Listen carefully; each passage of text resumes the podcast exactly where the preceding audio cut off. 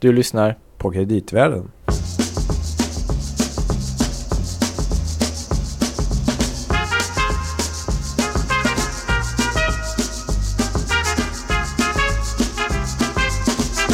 Varmt välkomna alltså till ett nytt avsnitt av Kreditvärlden som sagt. Och vi ska säga, vi är ju en podcast om kreditmarknaden kan jag säga först. Med Mm. Louis Landeman. Och Gabriel Bergin. Mm, det stämmer, på Danske Bank Markets. Vi jobbar med kreditanalys. Och, men vi försöker ju hålla ett bredare perspektiv och vi har ju pratat lite grann om de eh, makrohändelser som präglar finansmarknaderna generellt. Med väldigt expansiva centralbanker, igen.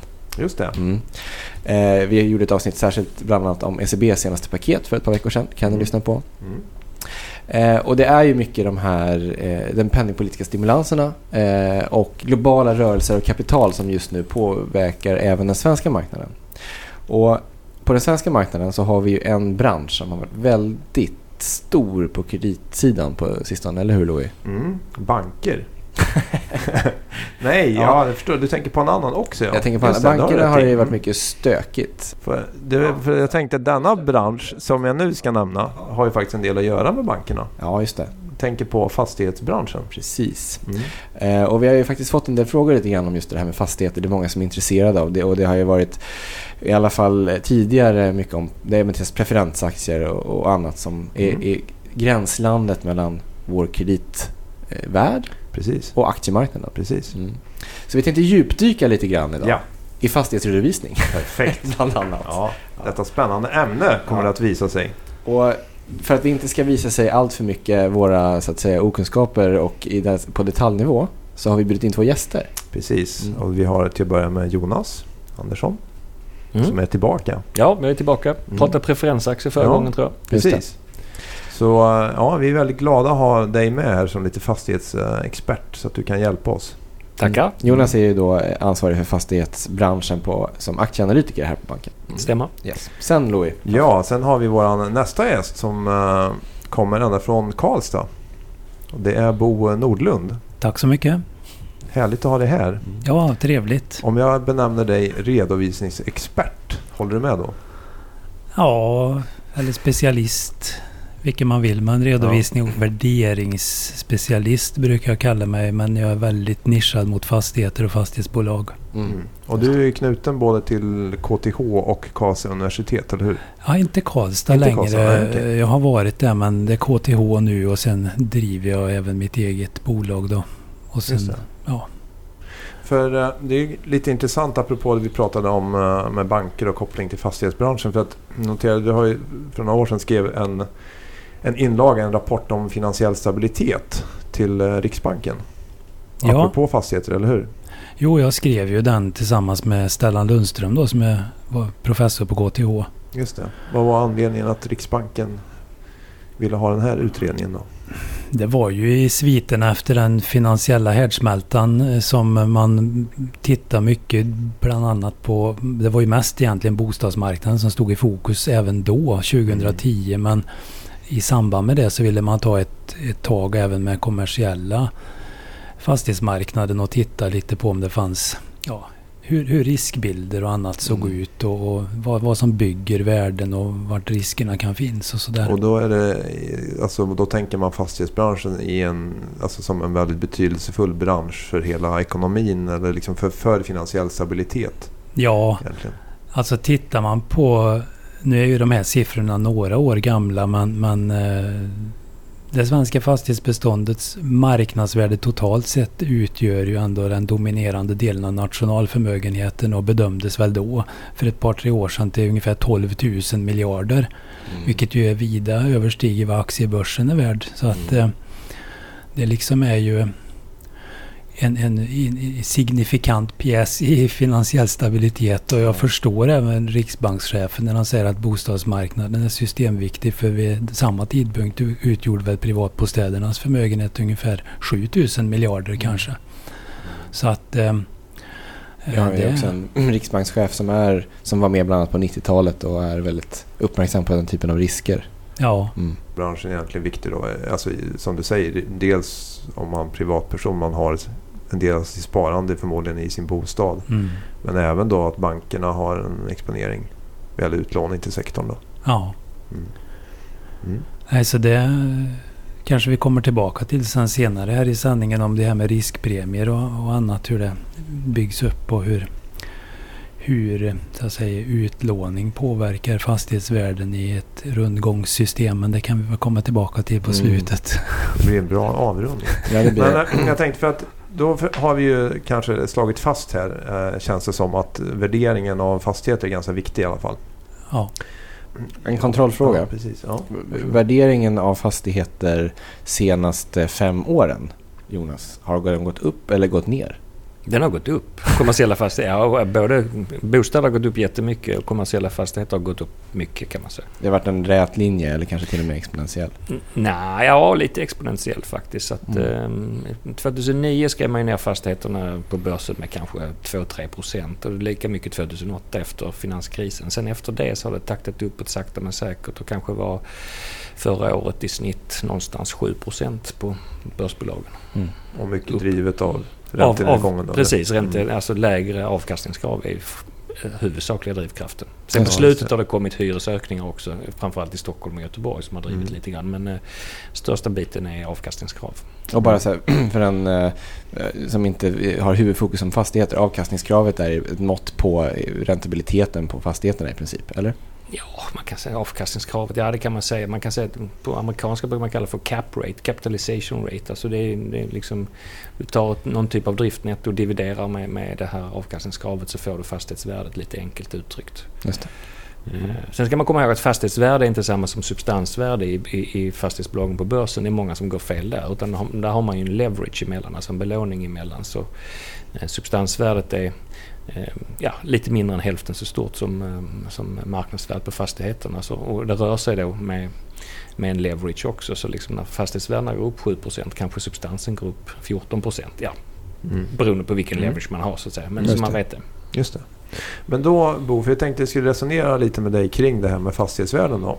Och då eh, blir den första frågan här att vi, inte bara fastighetsbolag, men de flesta bolag som är listade på börsen följer den här redovisningsstandarden IFRS sedan 2005 tror jag. Så det är väl eh, drygt 10 år nu som man har haft det här. Och det var mycket hallå kring introduktionen av den här redovisningsstandarden då när den kom. Och nu så pratar man väl inte så mycket om det för någonstans, ja det är vad det är så att säga. Men du har ändå varit med och kollat på det här ganska länge så att om man tar lite steg tillbaka kan du lite kort förklara dels vad är egentligen IFRS? Hur ska man se på det och varför införde man det Mm. från början?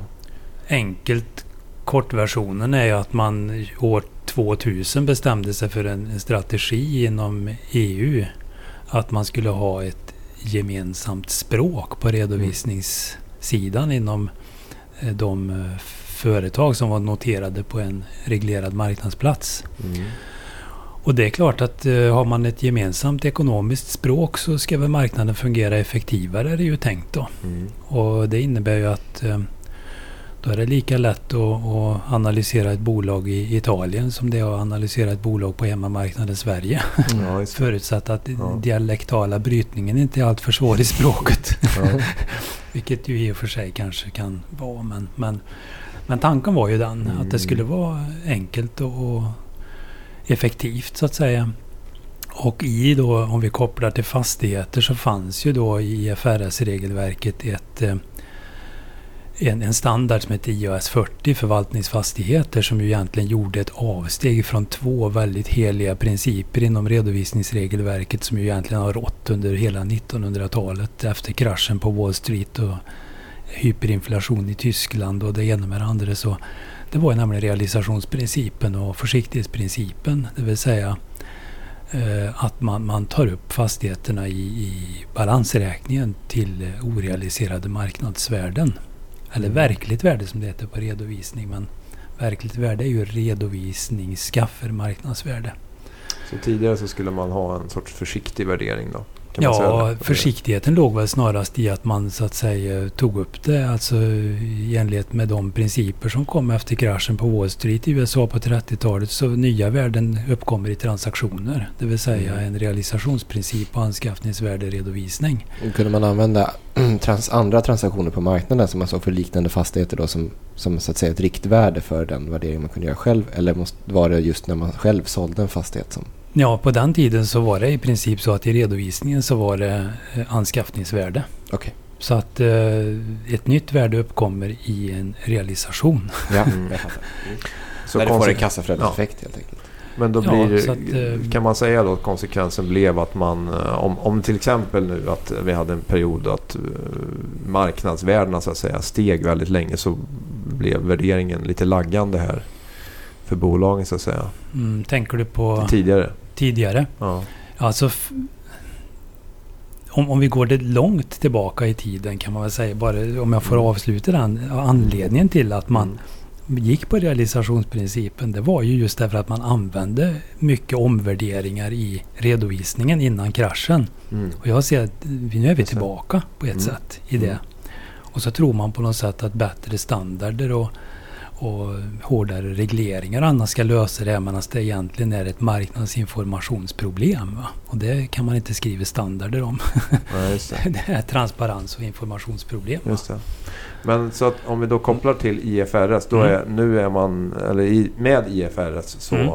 Då ska man göra en marknadsvärdering helt enkelt. Kvartalsvis, ja. Kvartalsvis. ja. Och det, det kan man säga tidigare var det ju lite si och så med informationen i bolagen. Där kan du säkert intyga också att det fanns ju en del försiktiga bolag som inte ville upplysa om marknadsvärdet. Till exempel huvudstaden gjorde ju inte det innan IFRS utan då fick man ju bedöma det så gott det gick från analytikerhåll. Va? Mm. Ja, övriga bolag, hade, eller några bolag hade ju not i årsredovisningen Mm. marknadsvärdet. Så Mm. nej, huvudstaden hade ju inget så, Mm. så att säga. Så att, Men de var ju inte ensamma heller. nej, de var inte ensamma. ja. Nej, det, nej, precis. Mm. Så att, och då blir det klart att eh, då är det väl lättare på något sätt nu när man ser det direkt i balansräkningen. Och det, jag antar att det var det som var tanken, att det skulle bli en mer korrekt nuvärdesbeskrivning så att säga. Eller? Ja, alltså det, det är ju det att för mig är IFRS-regelverket ett förmögenhetsfokuserat Mm. regelverk som med en korrekt förmögenhetsredovisning i fokus och att man då ska få en hygglig bild av vad bolaget är värt direkt ur redovisningen. En ögonblicksbild. Ja. Mm. För att jag tror att jag såg något citat från dig, eller något tidigare citat där du sa någonting i stil med att tidigare, i den här tidigare standarden så blev värdet alltid fel men alla förstod hur man gjorde. Och nu är värderingen mer rätt men det är svårare, svårare att förstå hur den är gjord. Mm. Är det ungefär? Jo, men En jag, jag tycker fortfarande det på ett sätt. Därför att eh, min doktorsavhandling handlar ju om egentligen vilket behov jag bedömde fanns av tilläggsinformation kring värderingen. Vilka antaganden som har gjorts eh, beträffande kassaflöden, tillväxt, eh, direktavkastningskrav, diskonteringsräntor och annat för olika delmarknader. Och det, man kan säga att bolagen har ju blivit bättre på att upplysa men de, de är ju inte på den nivån som skulle behövas för att en utomstående betraktare skulle kunna bilda sig en egen uppfattning om värdet på tillgångarna. Det är långt kvar dit. Mm. Men om man bara funderar lite grann på två saker här um, i samband med det här. Då. Det ena är ju har, eh, har givet att man införde det här IFRS har bolagen förändrat sitt beteende vad gäller riskprofil och det andra är väl är man när man nu gör den här marknadsvärderingen är man mer sårbar så att säga än vad man var tidigare om det nu skulle komma en kraftig nedgång.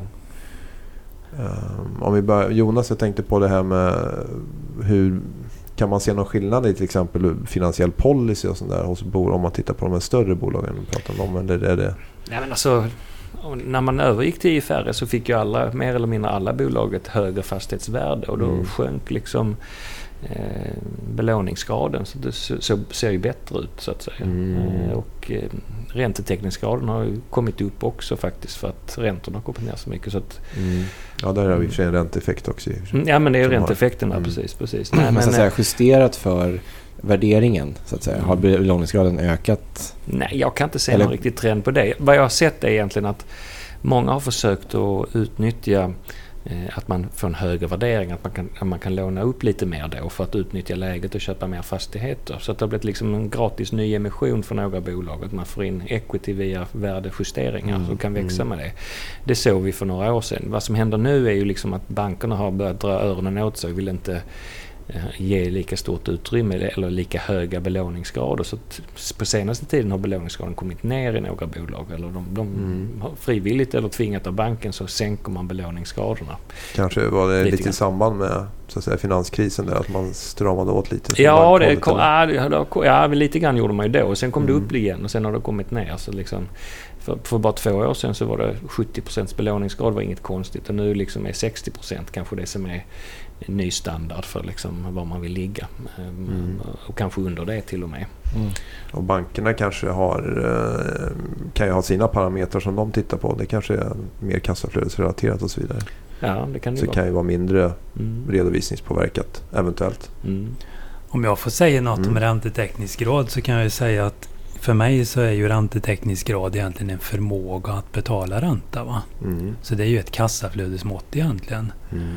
Om man då matchar resultaträkningen eh, och tar fram så att säga driftnetto minus eventuell central administration och tittar på förmågan att betala ränta så ser det ju bättre ut än vad det är på riktigt. Mm. På grund av att man har ju ja, ett, ett, ett, ett eh, komponentsynsätt i IFRS precis som vi har fått in i svenska bolag via K3, Bokföringsnämndens regelverk för större företag.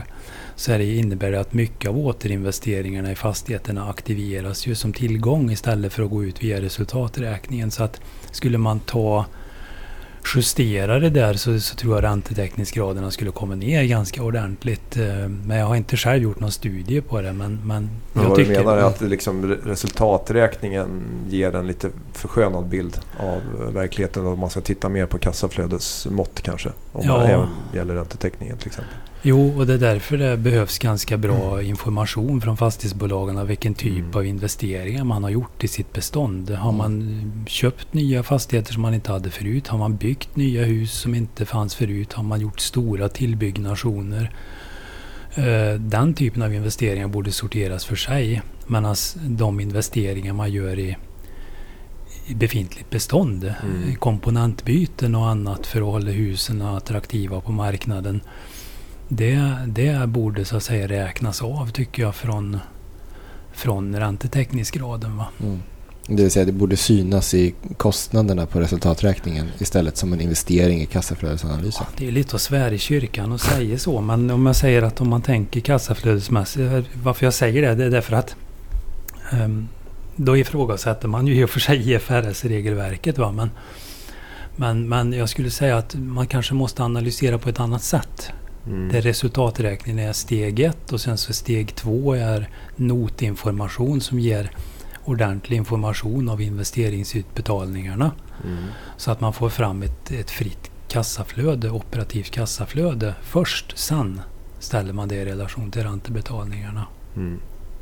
Hur upplever du Jonas som har kollat på de här bolagen vad gäller rapportering? Har det förbättrats ja. eller förändrats? Ja, ja, det är svårt att bedöma. Det är en gråzon det där hur man bokför investeringar eller om det är en kostnad så att säga. Mm. Eh, för mig så är det liksom om man, om man gör en investering och den investeringen är faktiskt värd eh, de pengarna man lagt ner så att det ökar så mycket i balansräkning då är, liksom, är det okej okay för mig att ta det som en investering. Är det så att man gör investeringar som inte ökar värdet av fastigheten så tycker jag det är, det är felaktigt då så att säga. Mm. Och då, det, finns, det finns en gråzon där. Mm, mm. Men, ehm, men visst, visst är det så. Men gör man 100 miljoner investering i fastighet och värdet ökar med 100 miljoner efter det. Det är svårt att bedöma såklart. Ja. Men om man kan höja hyran eller om man kan göra någonting annat som man inte kunde innan. Då tycker jag det kan vara fine att, att ha det som en investering. Men om det inte gör det, då är det liksom, ska det ju tas som en kostnad. Mm. Men den här marknads... Om vi kommer in på lite det här med sårbarheten och den andra delfrågan där. Um, att man nu gör en marknadsvärdering, innebär det också att man är så att säga, mer sårbar mot potentiella nedgångar eftersom man måste så att säga hela tiden uh, anpassa värdet rakt ut. Då. Ja. Men om man vill hålla substansvärdet så att säga konstant i förhållande till? Ja, att man kan komma under väldigt kraftig press om det nu skulle vara en väldigt allvarlig lågkonjunktur. Då, till exempel, mm. Så måste man, alltså att det blir jobbigt att klara soliditet och andra sådana saker. Mm, det, det, är ju intressant det där för att vi hade ju faktiskt ett litet test på det här efter Lehman-kraschen. Mm. Och du nämnde ju här att det var, att det var en nedgång. Om vi lägger ihop de här två åren så var det kanske 5-5,5 procent i värdenedgång som man faktiskt tog. Mm. Men alltså min uppfattning är att informationen på transaktionsmarknaden var så pass tunn så att man fick nog söka lite annan typ av information för att kunna få ihop den här marknadsvärderingen fullt ut ordentligt. Mm. Och hade man tittat på implicita värden på börsen till exempel, då hade det ju implicerat ner kanske 15-20 procent. Mm. Jag håller med dig, det var ett problem. Det var mm. för att man, och då sa man att det fanns inga affärer som vi kunde relatera till. Så mm. ser vi inte affärer som görs så kanske vi inte skriver ner beståndet. Så det, det var ju precis som du säger att det egentligen skulle nog skrivits ner mer om man mm. liksom tittade på börsen och på andra och vad som hände. Liksom. Mm. Så, så där, det, var, det var lite lite nedskrivningar. Och mm. många sa att det var på grund av att det inte fanns några transaktioner. För det mm. gjordes väldigt få transaktioner. Ett intressant bolag då som fanns på den tiden, eh, Brinova. Mm. Eh, de ägde ju andra fastighetsbolag på börsen. Och där blev det ju genomslag direkt på deras resultat och balansräkning när de här börsbolagen föll. Det var ju Fabege och Wihlborgs och så vidare. De kom ju ner. Så Brinova var ju i en, i en rätt tuff situation mm. under, under Lehman-kraschen. För de fick ju direkt påverkan eftersom det var börsnoterade innehav mycket de hade. Ja. Mm. Och, så det var väl det bolag som var mest illa ute under um, Lehman-kraschen. För de andra så blev det kanske inte ett stort problem för att det återhämtade sig ganska snabbt värdera, alltså prissättningen på själva fastighetsmarknaden och mm. värderingarna. Och då så att säga, behövde man inte ta mer, även om man kanske skulle ha gjort det. Då. Nej, och det gjordes inga avslut på de sämsta nivåerna. När, man, när man liksom, ingen ville, ville sälja och det var liksom inte, ingen som behövde paniksälja riktigt heller. Mm. Det, är faktiskt, det går ju att göra en ganska intressant koppling till finansbranschen och banker under den perioden. Där man ju var utsatt för samma typ av exponering men där många banker ju fick vara tvungna att skriva ner tillgångarna på så här ganska då illikvida tillgångar. Och det var väl precis samma diskussion. Vad är rätt pris på det här? Eh, tror vi att, vad tror vi i slutändan vi kommer att få tillbaka? Kontra vad skulle den vara värd om vi skulle vara tvungna att sälja den idag? Vilket mm. förmodligen skulle vara väldigt lite. Mm. Så där såg man väl helt klart uh, IFRS liksom ett problem med den när man måste då göra. Och det, det kändes väl som att för bankerna att man gjorde ganska stora avsteg en period därför att egentligen för att bankerna skulle överleva i många fall så var man ganska tillmötesgående mot att eh, liksom... Det kanske fanns ko kovenanter i botten som gjorde att man, man också eh, inte var så benägen att se stora värdenedgångar. Nej, men och att du inte vill trigga liksom tvångsförsäljningar då i en ja. marknad som redan är hårt mm. pressad egentligen. Mm. Det är skillnaden mellan en likviditetskris och en soliditetskris egentligen. Ja. Mm. mm. Men jag tänkte Jonas, för du var inne på det att du sa att när man tittar på belåningsgraden generellt att den har kommit ner lite grann. Jag tänkte på olika segment om man funderar på vilken typ av fastighetsbolag har de lite större, lite högre belånade och vilka är lite lägre. Mm. Uh, vi har tittat alltså, lite. Ja. Det ser ut som att till exempel logistikfastighetsbolagen verkar vara lite högre belånade i många fall. Och kanske en del som har bostäder är faktiskt lite lägre. Det, kanske, det verkar ju lite paradoxalt på sätt och vis. Mm. Håller du med om ja, den beskrivningen? Ja, men Heba slår kanske igenom som inte har någon belåning. Mm. Men generellt sett så är det ju lättare att få hög belåning på en bostadsfastighet eftersom mm. den, ja, det borde för vara, banken ja. är den ja. väldigt säker. Men, mm. nej, men jag håller med, vissa av de här logistikbolagen har lite högre belåning än snittet. Mm. Eh, då kan man säga att ja, Castellum och huvudstaden har å andra sidan liksom lägre belåning än vad de egentligen... Mm. Ja, Castellum har lägre belåning än vad de vill ha. De vill ju öka på den där belåningen lite grann. Mm. Men eh, visst, några av logistikbolagen har lite hög belåning och dessutom har de ovanpå det lite preferensaktier, några av dem. Mm. Eh, så att det gör ju att belåningen blir Just det, för det är väl en annan högre grej, egentligen ur ett aktieägarperspektiv. I de här redovisade räntetäckningsmåtten så är väl sällan preferensaktierna med räknade i den ojusterade formen. Nej, precis. Nej, de räknas som, som equity i, mm. i, i redovisningstermer. Mm. Det du försöker säga Lo är att det känns som att det finns en tendens att ta lite mer finansiell risk om man också har mer operationell risk. Mm. Ja, i det här fallet så tycks det ju vara så. Mm. Men då antar jag att investerarna är ja, det är ju ingen hemlighet att det ser ut så. så att man ofta har de ju långa kontrakt. Då, ja. Ofta har de ju långa kontrakt och känner sig trygga med det så att säga. Mm. Eh, I, I de här, eh, när de har en industrianläggning eller köpt någon, några fastigheter från något industribolag. Då tecknar man oftast ett väldigt långt kontrakt. Mm. Men eh, ja, det som kan hända är att bolaget som, som hyr går i konkurs. Då spelar det ingen roll om man har ett långt kontrakt. Vissa av de där ligger ju liksom kanske bara gå och hyra ut till just det bolaget som sitter i dem. Mm. Då är det lite svårt. Men det är ju därför det är högre avkastning på de fastigheterna också. För det är högre risk. Man köper olika typer av aktier i olika typer av bolag av olika orsaker lite grann mm. kanske man kan mm. säga. Eller? Jag tycker, om jag får säga något om belåningsgrader så, så mm. kan jag ju tycka, för det ingick ju i det där uppdraget när vi skrev åt Riksbanken och tittade på svenska fastighetsbolag hur de var belånade i förhållande till internationell. Mm. Och man kan ju säga att uppfattningen i Sverige här är ju att fastighetsbolagen är relativt lågt belånade och det kanske är en effekt av övergången till IFRS då 2005 när i princip vi tog fram alla dolda värden och vi fick ner belåningsgraderna i redovisningen och så. Men alltså 55 procent som jag har en uppgift om i snittbelåningsgrad på bolagen på börsen. Det är ju högt i ett internationellt perspektiv. Mm. Tittar vi på, på Europa i snitt så ligger de ju någonstans 40 eller strax över 40. Mm. Ja. Och tittar vi liksom på slagigheten som kan bli i en, i en låginflationsekonomi. Och tittar vi historiskt på reala priser och värden så har vi ju haft ganska stora slag när det gäller reala fastighetsvärden bakåt i tiden. Mm. Så att jag menar 50-60 belåning, det räcker nog inte om man ska se de slagen vi hade. Alltså i och för sig en lång utdragen process mellan 1970 och 1980 när reala hyreshuspriser gick ner med ungefär 40 procent. Mm. Men det syntes ju inte vi hade inflation på nästan 10 procent per år. Va? Mm. Men alltså, vi hade ju nästan en sån korrektion i ett slag på några få år i början på 90-talet. Ja, så att liksom 40 procent ner, då, då kan man säga då är man högt belånad om man har 60 procent belåning, tycker jag. Det är, jag har också noterat att det är en ganska intressant fråga varför det är så att svenska bolag är lite högre belånade än om man tar kontinentaleuropeiska i alla fall. För att vi i våran värld när vi sätter skuggratingar så, så ser vi ju många svenska bolag ligger om vi våra termer W-kategorin, vilket är liksom det högre spannet av, av high yield. Medan om man tittar på de som har officiella ratings i Europa så har ju många investment grade. Men sen, samtidigt är det ju väldigt stora bolag vi pratar om. Mm. Men uppenbarligen så har man ju en annan, eller investerarna har väl en annan preferens vad man vill ha helt enkelt antar jag eftersom eh, ja, någonstans så det är ett val man gör. att Antingen har man lite högre finansiell risk och mm. då kan men man kan också få lite högre avkastning. Men på marginalen blir ju risken uppenbarligen mm. lite högre. Jag har ingen bra förklaring till varför det Nej, men Jag tror du är inne på lite rätt spår. För att i Sverige så man kan säga att vissa av fastighetsbolagen värderas ju inte som fastighetsbolag utan man tittar helt enkelt på P talet mm. liksom, brukar inte vara så särskilt attraktivt i fastighetsbolag men kan du dra upp gearingen mycket och låna billigt så kan du få liksom P 10 och då ser det liksom väldigt bra ut. Och det attraherar rätt många mm. i Sverige. Medan utomlands så tittar man kanske mer på substansvärdet och så vidare. Och då liksom kanske inte gearingen...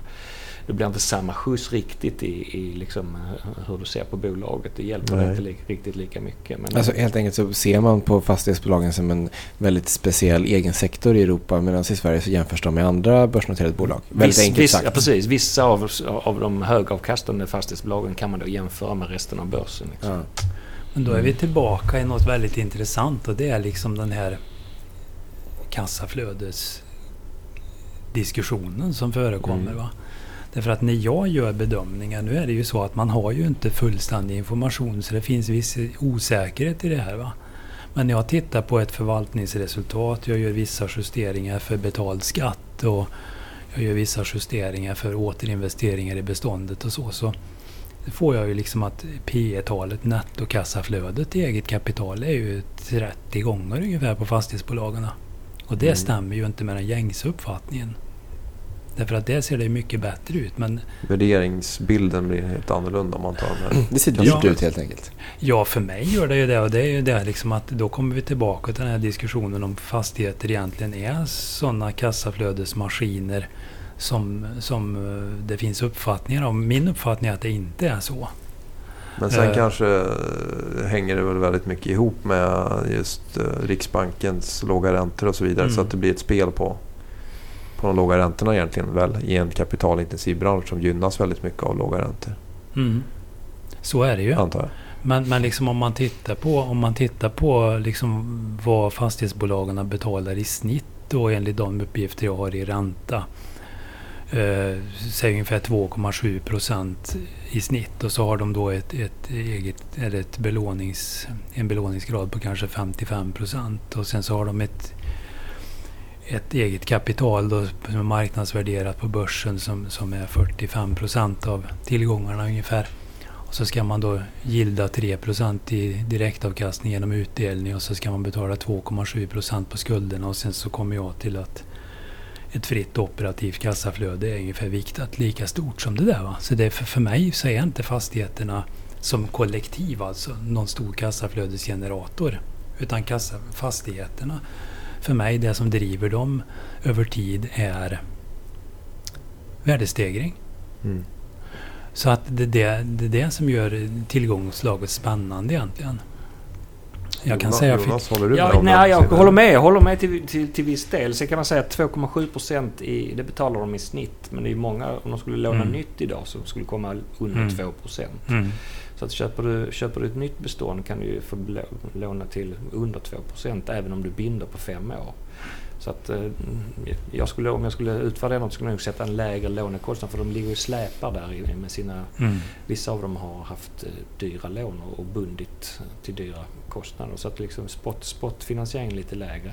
Mm. Men eh, sen, sen, tycker jag det blir ju ett spel. Va? Vill du helst investera i en statsobligation som ger 0% eller vill du ha en fastighet på Norrmalmstorg som ger Eh, med ditt exempel kanske bara 2,5 procent med en viss värdetillväxt. Och då mm. tycker jag fortfarande svaret är ja, men jag tar hellre 2,5 procent fastighets Norrmalmstorg med värdetillväxtpotential än en, än en statsobligation som inte ger någonting. Mm. Så att liksom det, är, det är så livbolag också resonerar lite grann när de viktar om från eh, statsobligationer till fastigheter. Så det blir ju ett relativt spel på den låga räntan som gör att även om det bara är 2,5 procents yield så är det fortfarande liksom fine mm. om du får en värdetillväxt.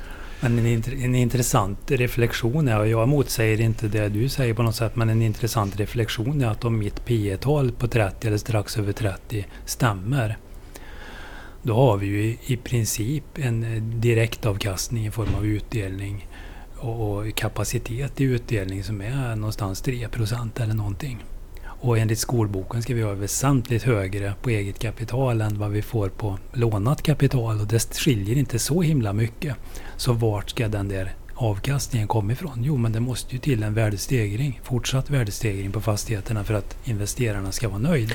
Men då är vi inne lite grann egentligen på riskpremiens storlek generellt. Mm. Ju. Mm. Uh, ja, nu pratar vi om fastigheter men man skulle väl kunna ha ett liknande resonemang om andra typer av branscher och aktier tänker jag i den här mm. miljön. Och för, mm. för, för, den delen även om vi tittar på företagsobligationer hur låg räntan är på dem. Mm. Um, det har du väl också en syn på boendet? Så. Jo, nej, men jag menar jag menar ju liksom att man, man kan inte använda ex ante eller ex post mätningar för att bedöma riskpremier ex ante. Det vill säga vi kan inte, vi kan inte ha ett paradigm där vi mäter upp korre, historiska korrelationer och annat för att få fram en, en adekvat riskpremie som vi ska tillämpa i framtiden. Utan det menar jag liksom att vi måste väga in andra saker som kan hända men som inte har hänt. Mm. Typ The Black Swan utav Taleb. Mm, mm. Och problemet nu är vi inne på det som Thomas Ries lite grann ja. Pratar om. Känns det som. Ja, och då kommer vi ju faktiskt till att... För jag har ju lyssnat på Thomas och jag har haft, jag har haft med honom på Finansanalytikerföreningen bland annat och prata framåt bedömning av risk. Och då kommer vi ju i det obekväma att det går ju inte att beräkna allt. Nej. Nej. Och då kan man säga att eh, då kanske riskpremien borde vara lite högre just på grund av att inte den går att beräkna. Mm. Därför att om man säger som jag sa förut om, om värdefallspotentialen skulle kunna vara 40 procent. Hur ska vi räkna in det? Vilken riskpremie ska vi ha då? Mm. Då räcker inte 2,5 jämfört med 0 i en statsobligation. Det, det, är mycket, mycket större risk i, i att investera i eget kapital i fastigheter. Så det, det, det är för liten riskpremie enligt mitt sätt att se det. Mm. Men jag mm. brukar inte vara känd för att vara optimist. Vi har svårt att hitta optimister som vill vara med i den här podden. Jonas, du är lite mer optimistisk. Jag är mer optimistisk. Ja. Nej, men, eh, oftast, jag har sett sådana undersökningar. Vad är riskpremien över riskfri ränta för aktiemarknaden? Det brukar vara 4% alltid. Liksom. Men, ja. Jag tycker svåra frågan är egentligen vilken riskfri ränta ska man använda? Ska man, mm. jag menar, ska man ta den? Ska det vara noll eller? Eh, Liksom. Mm. För, för jag menar, Mm. en statsobligation är nära noll. Så att även om du har samma riskpremie som du alltid haft påslag på riskfri ränta så, Mm. så kommer du ner till väldigt låga nivåer om du antar att du kan låna till nästan ingenting och att riskfri ränta är nästan ingenting. Så att, Mm. eh, då kan du ha samma riskpremie som du alltid har haft och ändå komma på väldigt låga avkastningskrav. Mm. Men visst. Sen måste man ju dra ner kanske tillväxten. Men det konstiga med, med det där, i alla fall i Sverige, är att vi har ju rätt bra BNP-tillväxt trots att räntorna är så låga. Det brukar liksom inte riktigt hänga ihop att man har 4% BNP-tillväxt, ingen inflation och sen den här jättelåga räntan. Det är, det är ju liksom en udda kombination. Som kanske spär på det här med att, liksom, ja, speciellt i fastigheter spär det ju på att du har en jättebra tillväxt, hyrorna ökar och så har du en jättelåg hyra samtidigt som inte liksom matchar det andra, eller ränta. Det, är liksom, eh, det spär ju på fastighetsvärderingarna uppåt så att säga. Mm. Det gör det. Det känns som att vi kommer tillbaka lite grann. Cirkeln slöts Mm. lite grann. Vi kommer tillbaka till det här med... Det är ju är Ingves och hans kompisar runt om i världen som styr. Och Mm. så länge som vi har... Eh, vi kommer inte in så mycket på det nu men vi har eventuellt en brist på fastigheter i Sverige och framförallt globalt överflöd av kapital. Så ser det kanske bra ut med 3% friskpremie. Ja, en mycket intressant diskussion i alla fall. Det känns som Mm. att det här är ett, ett levande ämne som vi får ta upp fler gånger. Mm. Eh, och jag, vi ser fram emot alla de, den fråge och kommentarsanstormning efter det här avsnittet. Eh, vi kan vara ett filter för Bo och Jonas. Så om ni har några kommentarer eller frågor, skriv till oss på Twitter, att kreditvärden eller till brev att kreditvärden.se. Sen tänkte jag så här lite som tack för att du har kommit Bo. Du, är ju, du bor ju i Karlstad. Ja. Där är väl Sven-Ingvars ganska stora. ja, det vet du. Jag tänkte Gabriel, kan vi inte liksom, vi kan väl spela en liten uh, låt? En liten del av en något. låt. Med. Saken är ju den att jag har ju hittat en väldigt fin låt som är skriven av Gunde Johansson. Som heter Torpavisan. Och vet du vad som är så fint med honom Gabriel? Nej, men du kommer nog berätta för mig. Varför tror du det? han, är, han, eh, han bodde ju väldigt länge i Filipstad. Ja. Och dog även där. Och han har ju skrivit den här som jag tror att Sven-Ingvars som sa det här måste ju vara för, världens första rocklåt. Torpavisan. Skrevs 1948. Ja. Före The King alltså. Ja, Ja. faktiskt. Så vi är väldigt tidigt ute med grejer i Värmland. Är det Ja. inte så Bo? Jo. Ja, med de orden. Innan jag sätter på den, tack stort, så mycket. Stort tack båda två. Ja, för att Tackar. kom. Tack. Och så, eh, kära lyssnare, vi hörs snart igen. Tack för idag. Hej då!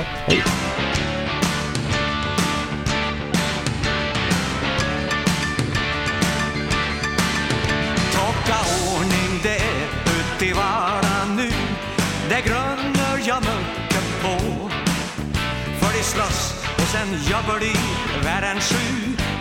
Det där är svårt att förstå. Men en har, en har full bra litet vett. Och huvudet det har en väl fått För det kliar sig i när det än har lett Som när folk till exempel har brått